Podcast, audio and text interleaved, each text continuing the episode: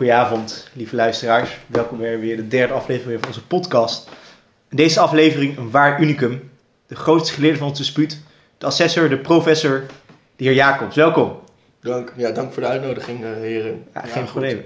Ja, we dachten, we moeten toch wel een herstart maken. Het is een tijdje geleden geweest, maar ja, corona, hè, reisjes naar Panama, ze komen er allemaal tussendoor. Dus onze drukke agenda's, die laten het niet toe om elke week een podcast op te nemen. Maar goed, we zijn terug. Des te bijzondere toch? Precies, we zijn terug. En misschien wel met een beter onderwerp dan ooit. Ja, ja ehm, we hebben natuurlijk een lange tijd zijn we afwezig geweest, geweest. Er zijn veel dingen gebeurd in de politiek. Misschien niet altijd ten goede van de politieke sfeer. Daarom eh, zit hier Jacobs hier ook wel. Misschien als de grootste wantrouwer van de gehele politiek. De samenleving, heer Jacobs. Is er misschien iets in de samenleving waar je niet tegen bent? Nou, dat zijn grote woorden. Kijk, wantrouwen is natuurlijk een groot woord. Hè? Ik zou eerder willen zeggen dat ik de overheid mm, scherp in de gaten hou. Oké. Vanuit je zolderkamertje scherp gedaan. ja. ja, ja, mooi. mooi. Ja, dat Nee, is- ja, waar ik niet tegen ben, kijk, ik ben voor heel veel dingen. Ehm, afschaffing van het leenstelsel bijvoorbeeld. Afschaffing van het belastingstelsel, nog mooi. Ja, nou, sinds zo is het niet als onder werk zitten, dus dat lijkt me geen goed plan. Maar, eh, Nou goed, dit was de podcast. Eh, deze ideeën mogen natuurlijk niet de wijde wereld in kunnen. Nee, dat gaan we niet doen. Ja, goed. Ja, afschaffing van het, van het belastingstelsel in zijn geheel. Dat is toch wel een... eh, Ja, waarom niet? nou ja, gewoon. Dan krijg je een soort van anarchistische staat. Een politiestaat, een nachtwakerstaat. Een nachtwakerstaat. Is dat wel een voorbeeld? Nou, niet per se, maar kijk, eh, het, het is misschien enigszins gechargeerd, hè, maar er zit wel een kern van waarheid in, namelijk eh, dat het hele systeem eigenlijk is doorgeslagen. Hè? Eh, wat zijn er? 1, 2, 3 boxen, weet ik veel waar dat over gaat. Ja. Belastingaangifte. Volgens mij kunnen er niet genoeg boxen zijn. Kijk, Box niet, 4, box 5. het is een soort van, eh, de overheid blijft zichzelf maar uitbreiden. Hè? Het belastingssysteem blijft zich maar uitbreiden. En waarom? Nou, niet ten goede van de burger. Want ik word keer op keer genaaid. Arme mensen worden keer op keer genaaid. Je ziet, Ik denk toch dat het overheidssysteem in zekere zin wel probeert te minderen in de samenleving juist te helpen. Daar wordt het systeem denk ik steeds complexer. Omdat je, nou ja, eh, je wil zorgen bieden aan iedereen. Je wil het belastingssysteem ook voor iedereen een oplossing vinden. Eh, en dat maakt het steeds ingewikkelder. Kijk, je kunt de vlaktax voorstellen, maar ja, dat, dat treft ook bepaalde mensen onevenredig.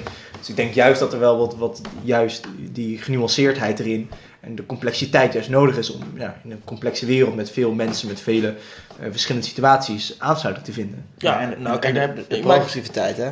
Ja, kijk. Vlaktax is misschien wel handig om uit te leggen. Vlaktax is als je één belastingpercentage doet op bijvoorbeeld inkomen. Dus dan maakt niet uit hoeveel je verdient. Verdien je 10 euro per uur, verdien je 1000 euro per uur. En progressief, wij hebben een progressief stelsel. Naarmate je meer verdient, ga je meer betalen. En in Nederland valt dat nog wel mee. Het hoogste tarief is 49,5. Mooie symboliek overigens. Nooit meer dan de helft van je inkomen inleveren. Eh. Maar kijk, een aap in een pak blijft een, blijft een aap. En dan kan je hem mooie brosjes gaan geven. Je kan hem, je kan hem kleden in hele dure schoenen. ja, Schoenen van slangen leer. Gek gekleurde schoenen. Je kan hem een hoed geven. Je kan het pak zo mooi aankleden als je wil. Maar het blijft natuurlijk een aap. Ik zou wel oppassen als je aan de Bootsma aan het luisteren is. Ja, ja, ja. Hij heeft het over Hendrik. Ja, Jong, hè? Jij krijgt geen huis meer, dat weet ik wel zeker. Nou ja, niemand krijgt een huis meer als je van die jongen eraan zit. Ja, gelukkig hebben de mensen die twee huisjes hebben genoeg huisjes. Misschien willen ze dat met ons delen. Dus- Ja, goed, mooi. Meerdere huizen. Ja, meerdere huizen. Nou, over meerdere huizen gesproken. We hebben natuurlijk net in het nieuws geweest, box 3.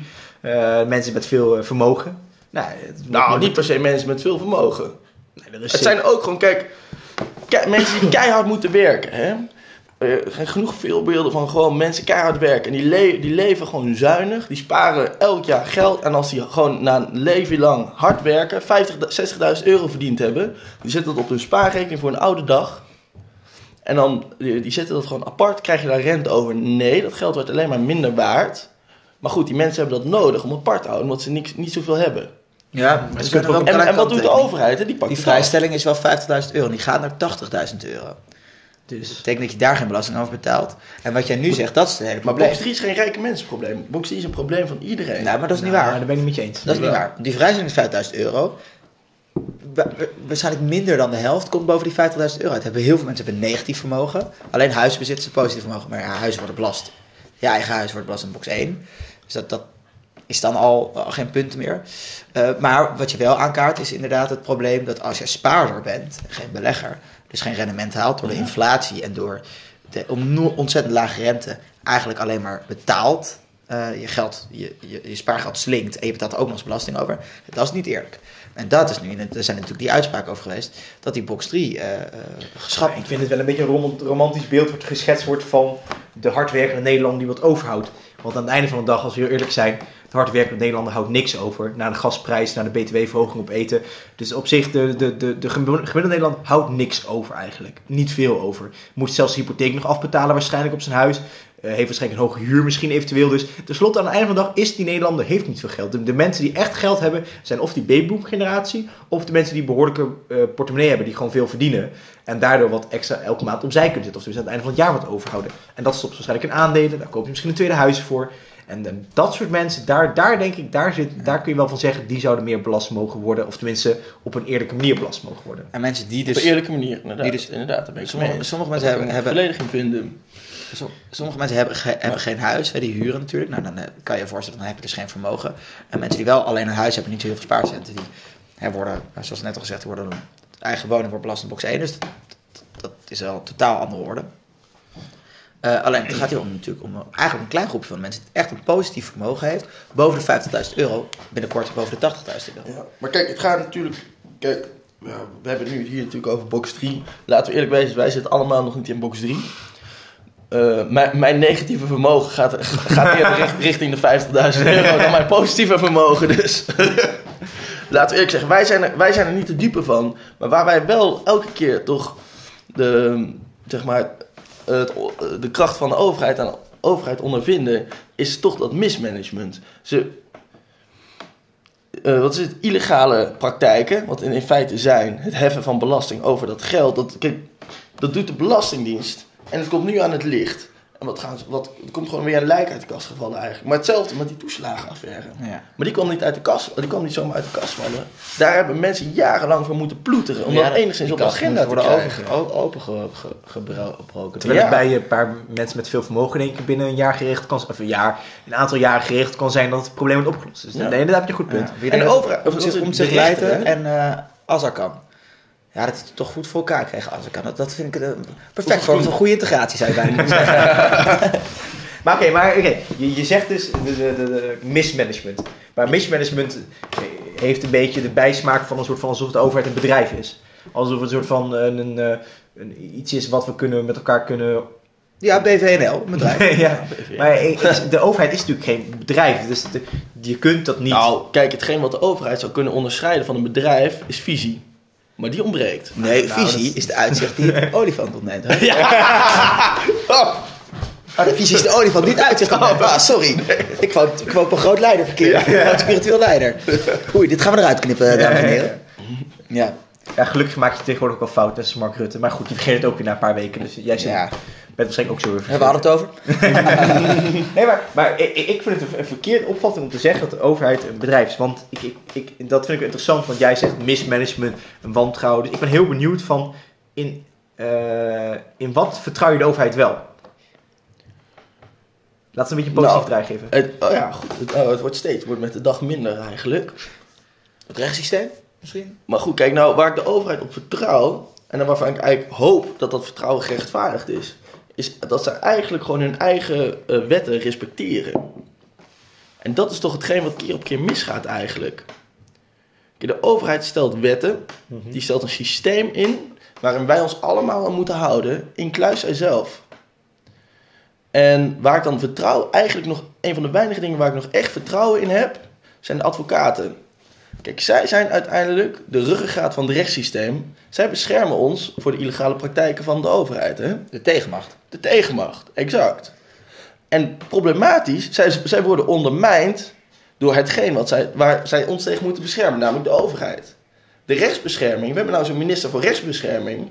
Nou, die nieuwe minister is net aangetreden en ik heb vertrouwen, daar heb ik nog vertrouwen in, dat hij het goed gaat doen. Ja, die heeft Almere bestuurd. Dan kan je ook, dan kan je ook rechtsstaat besturen. Maar laten we eerlijk wezen, de vorige minister was niet de minister voor rechtsbescherming, maar was de minister voor rechtsbescherming afschaffen. Hè? Sander Laten we Dekker. is wezen. afbraak. Ja, dat is afbraak. Zo met je dekkertje. Ja, maar het is wel een lieve knul. Lieve knul. Daar kunnen we niks anders over Die zeggen. zag al de lijken uit de kast komen vallen. Die dacht van dit kabinet kom ik niet meer terug. Doei. Ongetwijfeld, maar gewoon... Ik denk eh, dat ik nu een goed baantje de, de, sociale, de sociale rechtspraak, hoe noem je dat? Ehm, Ja, Ja, ik, ik, ik snap wat je bedoelt. Ja, dat, Ja, sociale, ja, ik- kom even ook niet op woord, maar sociale rechtspraak. En dat eh, men- mensen die voor eh, advocaten die voor weinig geld Ja. mensen bijstaan die eh, niet zoveel centen hebben eigenlijk. Dat, wordt gewoon, dat is gewoon afgebroken, dat ja, die is, systeem. die is, die is eh, ver onder gesubsidieerd. En dat zijn eigenlijk. En dat zijn natuurlijk. En dat zijn de meest zijn de mensen die kwetsbare mensen in onze samenleving. En die kunnen we ineens dus... Die, die, de overheid zegt, oké, als die mensen problemen hebben... en zij problemen hebben met ons als overheid... dan gaan wij, gaan wij, willen we ze eigenlijk niet beschermen. Dan Ik- willen we ze eigenlijk niet bij, zorgen dat ze worden bijgestaan. Dan laten ze eigenlijk een beetje bungelen. Dat is precies wat we ook zagen bij de toeslagenaffaire. Ja. Dat Ja. baart, baart mij heel veel zorgen. Want kijk, wij zijn mondig genoeg om ons voor onszelf op te komen. Maar niet iedereen is dat. Ja. En we hebben misschien ook nog wel de financiële middelen later. Ja, ik wilde heel graag sociaal advocaat worden, maar Sander Derk heeft mijn dromen in duigen geslagen. Dus Nou, kan dat niet kan niet meer. Ja, goed, dat, dat, dat, moet droom wordt gaan. Kan ik ook niks aan doen. Nee, Dat is goed. goed. Multinationals worden, moeten ook worden beschermd tegen de overheid. Nou, multinationals, dat, dat is altijd een, een van de... Daar kan ik altijd slecht tegen. Dat is altijd, een- daar kan ik altijd heel boos van worden van, van bijvoorbeeld GroenLinks en zo. Maar is- ja, sorry. Ja, multi- multinationals, die worden altijd gebashed in Nederland. Hè, dat ze Ja. te weinig belasting betalen. Kijk naar, naar Shell, die betaalt veel meer dan het Europees gemiddelde aan belasting. Eh, overigens, landen gaan over hun eigen tarief. Dat is, dat is belangrijk. Dat is een soevereiniteit. Die moet je vooral houden. Maar je kan wel samen met dezelfde grondslag a- afspreken waarover je belasting heft. Dat wordt nu gedaan, Europees. Maar eh, bijna alle multinationals betalen keurig het Europees gemiddelde. En die, die echte grote multinationals zijn verantwoordelijk voor 40% van onze banen. Eh 80% van onze economic output, dus naar de rest van de wereld. En wij zijn een kenniseconomie, dus die hebben we gewoon nodig. Eh, en het is goed om florerende bedrijven in Nederland te hebben en houden. Je moet die bedrijven Alleen wat kapot gaan maken. wat- je moet die bedrijven zorgen dat zij kunnen floreren. Dat ze kunnen blijven innoveren. Dat zij duurzaam blijven voor de toekomst. Dat ze ook in de toekomst veel mensen kunnen verschaffen van Ja. een baan. Want op die, het zijn die je- mensen die uiteindelijk ons systeem draaien. Wat je Nou, kaart moet aanpakken, is die brievenbusmaatschappij. Want dat, daardoor is Nederland een soort van belastingparadijs. geworden. Die moet je kaart aanpakken. Want dat, die, die bedrijven hebben geen enkel positief effect op de Nederlandse Nee. economie, op de Nederlandse handelsmentaliteit. Nee, Ook trouwens, verkeerd woordje overigens. Daar moet ik misschien. Nou, maar, ik ben het niet helemaal eens dat de multinationals per se een, een, een beneficial factor zijn. Ik, de- ik denk dat zij ook in zekere zin bijdragen aan het hele probleem waar we zitten. Omdat, ehm, kijk, de, de, de overheid maakt beleidsplan. Bijvoorbeeld, simpel, bijvoorbeeld nu het klimaatplan. Er is een pot met geld, het, net zoals de nieuwe pot met geld voor, eh, vanuit corona, vanuit Europa, is het geld vrijgemaakt. Zodat wij met elkaar dat geld kunnen besteden voor infrastructuurprojecten, weet ik veel, betere onderwijsvoorzieningen, noem maar op. En wat gebeurt er? De, de overheid gaat, heeft al afspraken gemaakt met lobbygroepen, gewoon van nu alvast met waar willen jullie het geld aan uitgeven? Waar, waar kunnen we het in investeren? Gewoon letterlijk gevraagd aan het private sector, waar willen jullie dat het geld heen gaat? En dat, dan gaat niet de bakker om de hoek zeggen, de stoep hiervoor moet beter worden. Of dan gaan niet, eh, niet, eh, niet, niet bepaalde sociale instellingen voor opkomen. Nee, dat zijn grote multinationals zeggen, oh ja, de haven Rotterdam mag wel een stukje groter. Of dan zegt Schiphol, ja, dan zou het fijn zijn als er nog een extra baan bij komt. Nee, maar kijk, dat, Dat- is... Kijk, wij willen vergroenen, wij baan willen er gaan verduurzamen. En wij wijzen de hele tijd met onze vinger naar die grote bedrijven. We zeggen Shell, niet duurzaam. We zeggen Tata Steel, moet groener. Kijk, en dan kunnen we niet gaan zeggen... Oké, we hebben deze regels, hier moeten jullie van doen. Nee, zo werkt dat niet. Moet Als we willen verduurzamen, dan moeten we dat samen doen. Nee, dat klopt, maar je moeten kunt- samen met dat bedrijf even gaan kijken... een- waar kunnen wij vergroenen? Waar Maar kunnen wij verduurzamen? wat kunnen we innoveren? we- we We zijn- alleen samen. Nee, klopt. Maar we, we, zijn boos op, de, op, op de, de, het falen van het uitvoerbare macht en de wetgevende macht op elkaar op een neutrale manier, of tenminste op een wat te- de tegenmacht manier in elkaar controle te houden. En wat gebeurt er? De uitvoerende macht gaat met bedrijven plannetjes smeden en heeft dan niet eens de wetgever. Sorry, de wetgevende macht gaat met bedrijven plannen maken. En de uitvoer, nee, sorry, nu zeg ik het weer fout. De wetgevende macht, de uitvoerende macht gaat plannen maken en de wetgevende macht heeft nog niet eens daarop toegezien. Terwijl je zou toch veel democratischer en wat, wat, wat meer wat vertrouwen wekken in de samenleving. Als je zegt, hoi, dit is de pot met geld, die willen we gaan verdelen over, over, wat, over, over bepaalde instellingen, bepaalde private partijen, publieke instellingen. Wat denk je als Tweede Kamer daarvan? In plaats van het al vooraf af te spreken. Tenminste, al vooraf daar eh, discussie over te gaan voeren. Ik Ja, denk dat het dat... Dirk, dat niet iedereen heeft de, heeft de jeugdopleiding PNO Questor gehad, waardoor je heel gemakkelijk met potjes geld kan schuiven. Dat, dat, schijnt toch lastig te zijn voor Ja, maar wat is het democratischer dan de mensen en de bedrijven zelf te laten bepalen waar dat geld heen gaat? We hebben geen Tweede Kamerleden nodig die dat voor ons gaan doen. Maar We dat- hebben Tweede Kamerleden nodig die erop toezien dat het goed gebeurt. Dat het proces goed is vormgegeven en dat mensen aan de regels zijn. Maar ik vind dat naïef. Ik vind dat naïef. Omdat je, eh, eh, de overheid is, is, is hè, eh, hè, we moeten kritisch zijn naar jegens de overheid, daar ben ik het mee eens. En we hebben eh, hè, de, de backbone die je net al benoemd, is de advocatuur wat mij betreft, of eh, ombudsmannen. Hè, dat, En de multinationals. en, en de multinationals. Nou, en de dat, is belang- dat is belangrijk. hè, En om de tegen- academici. En academici, de wiskundigen. Ja, ja. het is belangrijk om wat tegengas te geven. Maar Ehm, het is natuurlijk ook wel, een multinational gaat niet uit zichzelf natuurlijk eh, ontzettend groen worden. Dus er moeten ook eh, wetten en regels op gemaakt worden. Precies, En die moet je goed handhaven. Ja, maar, ah, maar sorry, maar ik vind het simpelste, het beste voorbeeld van het feit dat, dat het bij multinationals en de overheid totaal uit de hand loopt, vind ik wel, eh, en dan voornamelijk met lokale overheden en eh, nou, provinciale overheden ook wel. Nou, het voorbeeld van Ladies, of in, eh, in eh, de Flevopolder, dat er dan weer bij Zeewolde een mensgroot datacentrum wordt gebouwd, omdat een paar wethouders het zo leuk vinden. En dat, dat neemt immens veel energie in beslag. Eh, en de overheid heeft daar eigenlijk zo van, er worden handjes met de multinational van, leuk dat je hier komt, dankjewel, bouw het maar hier neer. Iedereen zegt eigenlijk van, dit willen we niet. Zo Ja. van, en omdat zij heel veel geld hebben waarschijnlijk, kunnen zij dit... Kl- Klopt het, klopt het dat in het nieuws was geweest dat mensen in de omgeving eh, eh, moeite hadden met hun energie? Ja, nee, nee, nee, de- de- nog, nog erger. erg, En hier Hugo Waagpolder is nog erger. Daar zijn windmolens gebouwd, een stuk of 13. En het idee was achter de windmolens dat het energie leveren aan de omgeving. Wat is er gebeurd? Google bouwt een datacentrum. Alle stroom van windmolens gaat voor de komende 10 jaar van Vattenval naar, eh, naar dat datacentrum toe. En Vattenfall's antwoord is van ja, het is een, eh, het zijn, we zijn een marktpartij. Wij bieden gewoon de hoogste bieder krijgt het. Ja. Logisch, het zijn multinationals, die doen dat. Maar goed, nu, nu wordt er een beetje... Terwijl allemaal mensen met Nou, energiearmoede kijk. zitten door de stijgende... En we geven subsidie voor de windmolens, dus dat is nog erger. Je Ja. gaat publiek geld toe naar multinational. En dan, daar erg ik me aan. Het gaat nu weer gebeuren. Ja, maar zo gaan die dingen. Je wil, jij zegt wij willen vergroenen, dan moeten we ook geld willen betalen om te vergroenen. Nee, dat- dat klopt. Maar je moet het wel. Je moet dus, ik vind dat het dus. Jij zegt ook, er moeten kaders zijn. En die kaders, daarvoor heb je de Tweede Kamer om die vast te stellen. En nu wordt er alweer van tevoren dingen besloten. Tenminste, worden er deeltjes gemaakt. Waarvan de Tweede Kamer nog geen kader heeft kunnen stellen hoe dat coronaherstelfonds überhaupt gaan verdelen. Er wordt gewoon gezegd, ja, we willen 30% vergroenen, bijvoorbeeld. En heeft de Tweede Kamer Sowieso. heeft nog niet eens kunnen zeggen eh, hoe, met wel moet er een commissie komen die het moet toezien, wie moet het gaan beoordelen, Ja. nog niks. Dus eigenlijk de grote, lijn- de grote lijnen zijn er, maar projectmatig gaat het fout. Dus, dus, dus we, kunnen, we, we kunnen wel uitzoomen, dus die visie is er misschien dan wel, maar dan in hele beperkte grote mate. Maar de echte, de, de duidelijk, hoe gaan we het verdelen en hoe gaan we dit aanpakken? Nou, vooraf moet de Tweede Kamer natuurlijk inspraak krijgen op hoe dat proces vorm gaat worden dat. gegeven. En dat is belangrijk. Ja. Dat is ook de democratie. De democratie is niet de Tweede Kamer die gaat praten, de Tweede Kamer die gaat beslissen. De, democratie is dat vooraf de, onze gekozen volkvertegenwoordigers eh, de kader stellen over hoe wij dat geld gaan verdelen. En dat is precies ook waar een van die dingen waar het misgaat. Dat is eigenlijk een beetje die bestuurscultuur eh, waar we met z'n allen zo graag vanaf willen tegenwoordig. En ook zo, het zogenaamde nieuwe elan dat Mark Rutte gaat brengen. Ja, maar dat doet je dus niet. Dus, Nee, dus goed uit een aantal poppetjes verplaatst. Ik bedoel, eh, we hadden het net al even over Zo. Hugo, Hugo de Jonge. Hugo de Jonge, Hugo ja. de Jonge die gaat zo meteen zeggen, ja sorry, die 330.000 woningen die ik moest bouwen, zijn toch niet gehaald. Maar ik heb wel één vlekje gebouwd ergens, ergens in Noordoost-Groningen. Kunnen we... Waarschijnlijk drie schoenenwinkels. Nee, die heeft hij leeggekocht. Ah shit, sorry man, ik wist niet dat ik daar ook mijn geld niet aan mocht uitgeven. Maar goed, maar... Sorry, Oude Bootsman. maar goed, eh, terugkijkend, dat tenminste terugkijkend. Samenvattend kunnen we dan zeggen dat het probleem voornamelijk zit bij de manier waarop de overheid... de- er is visie, er is een idee.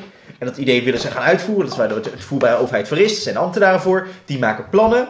Maar vervolgens zijn de kaders die voor die plannen benodigd zijn, de Tweede Kamer, worden totaal overgeslagen. Want ja, dat, dat is politiek gedreuzel, dat is politiek en dat, dat kost tijd. Daar heb je misschien maanden voor nodig, misschien een half jaar voor nodig, misschien een jaar nodig om het uit te stippelen. Haagse carousel. Dat kan zelf, maar in ieder geval. Het en- oneindig polderen.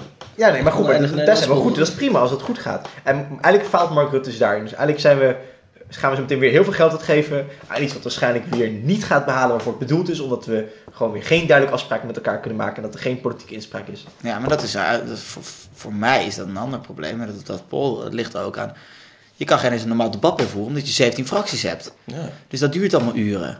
Ja, maar dit is een beetje En je ook nog. de- wat zeg maar goed, dit is wel een beetje het probleem een beetje te verleggen. Het is wel ook iets wat je natuurlijk vaak hoort in de Nou, politiek. Nee, dat vind ik wel. Dat vind ik, vind ik, vind ik wel dat je, dat je, als je wat minder partijen hebt, dat je veel sneller beslissingen kan maken. En dat betekent echt niet per se dat het meer partijen betere beslissingen zijn. Sterker nog, we hebben allemaal van die debielen in de Tweede Kamer die allemaal ja, die 9-11 eh false flag noemen en andere dingen ontkennen. Eh, ik bedoel, zijn naam is niet eens waardig om uit te spreken. Cherry B.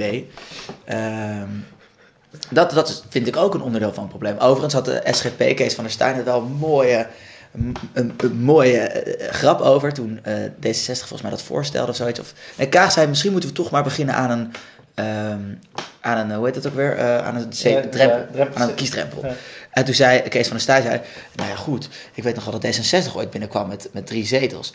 En ik denk dat dat onder de kiesdrempel is die u nu beoogt. Het zou toch zonde zijn als zo'n partij niet kan floreren en uitgroeien zoals jullie partij. Dat vond ik wel een op- mooie opmerking. Maar die vond natuurlijk Maar- ook het, maar- het, het, vuur onder zijn schenen. Ik vind het zeer fijn, Seth, dat jij eigenlijk ook eigenlijk een beetje christelijk gedachtegoed naar voren laat komen. Ja, ja. Zien. Dat toch nog wel, een- toch nog wel een klein christelijk jongetje. Ik heb vaak je Kees van der Staaij aanhalen.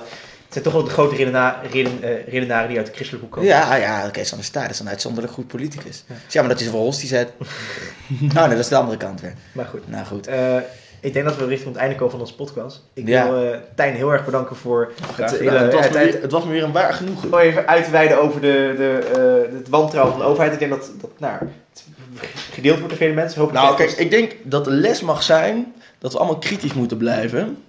En eh, toch vooral goed moeten blijven opletten dat we niet eh, zomaar een oor worden aangenaaid. Want geloof me, dat gebeurt.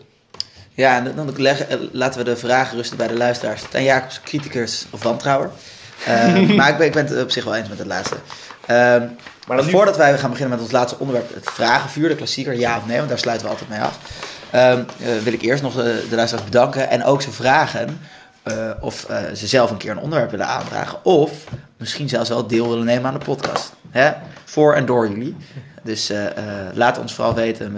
Stuur ons even een, een WhatsAppje. En wij gaan met goede moed 2020 weer tegemoet. Dus we hebben heel veel zin in om dit jaar weer veel podcasts te maken.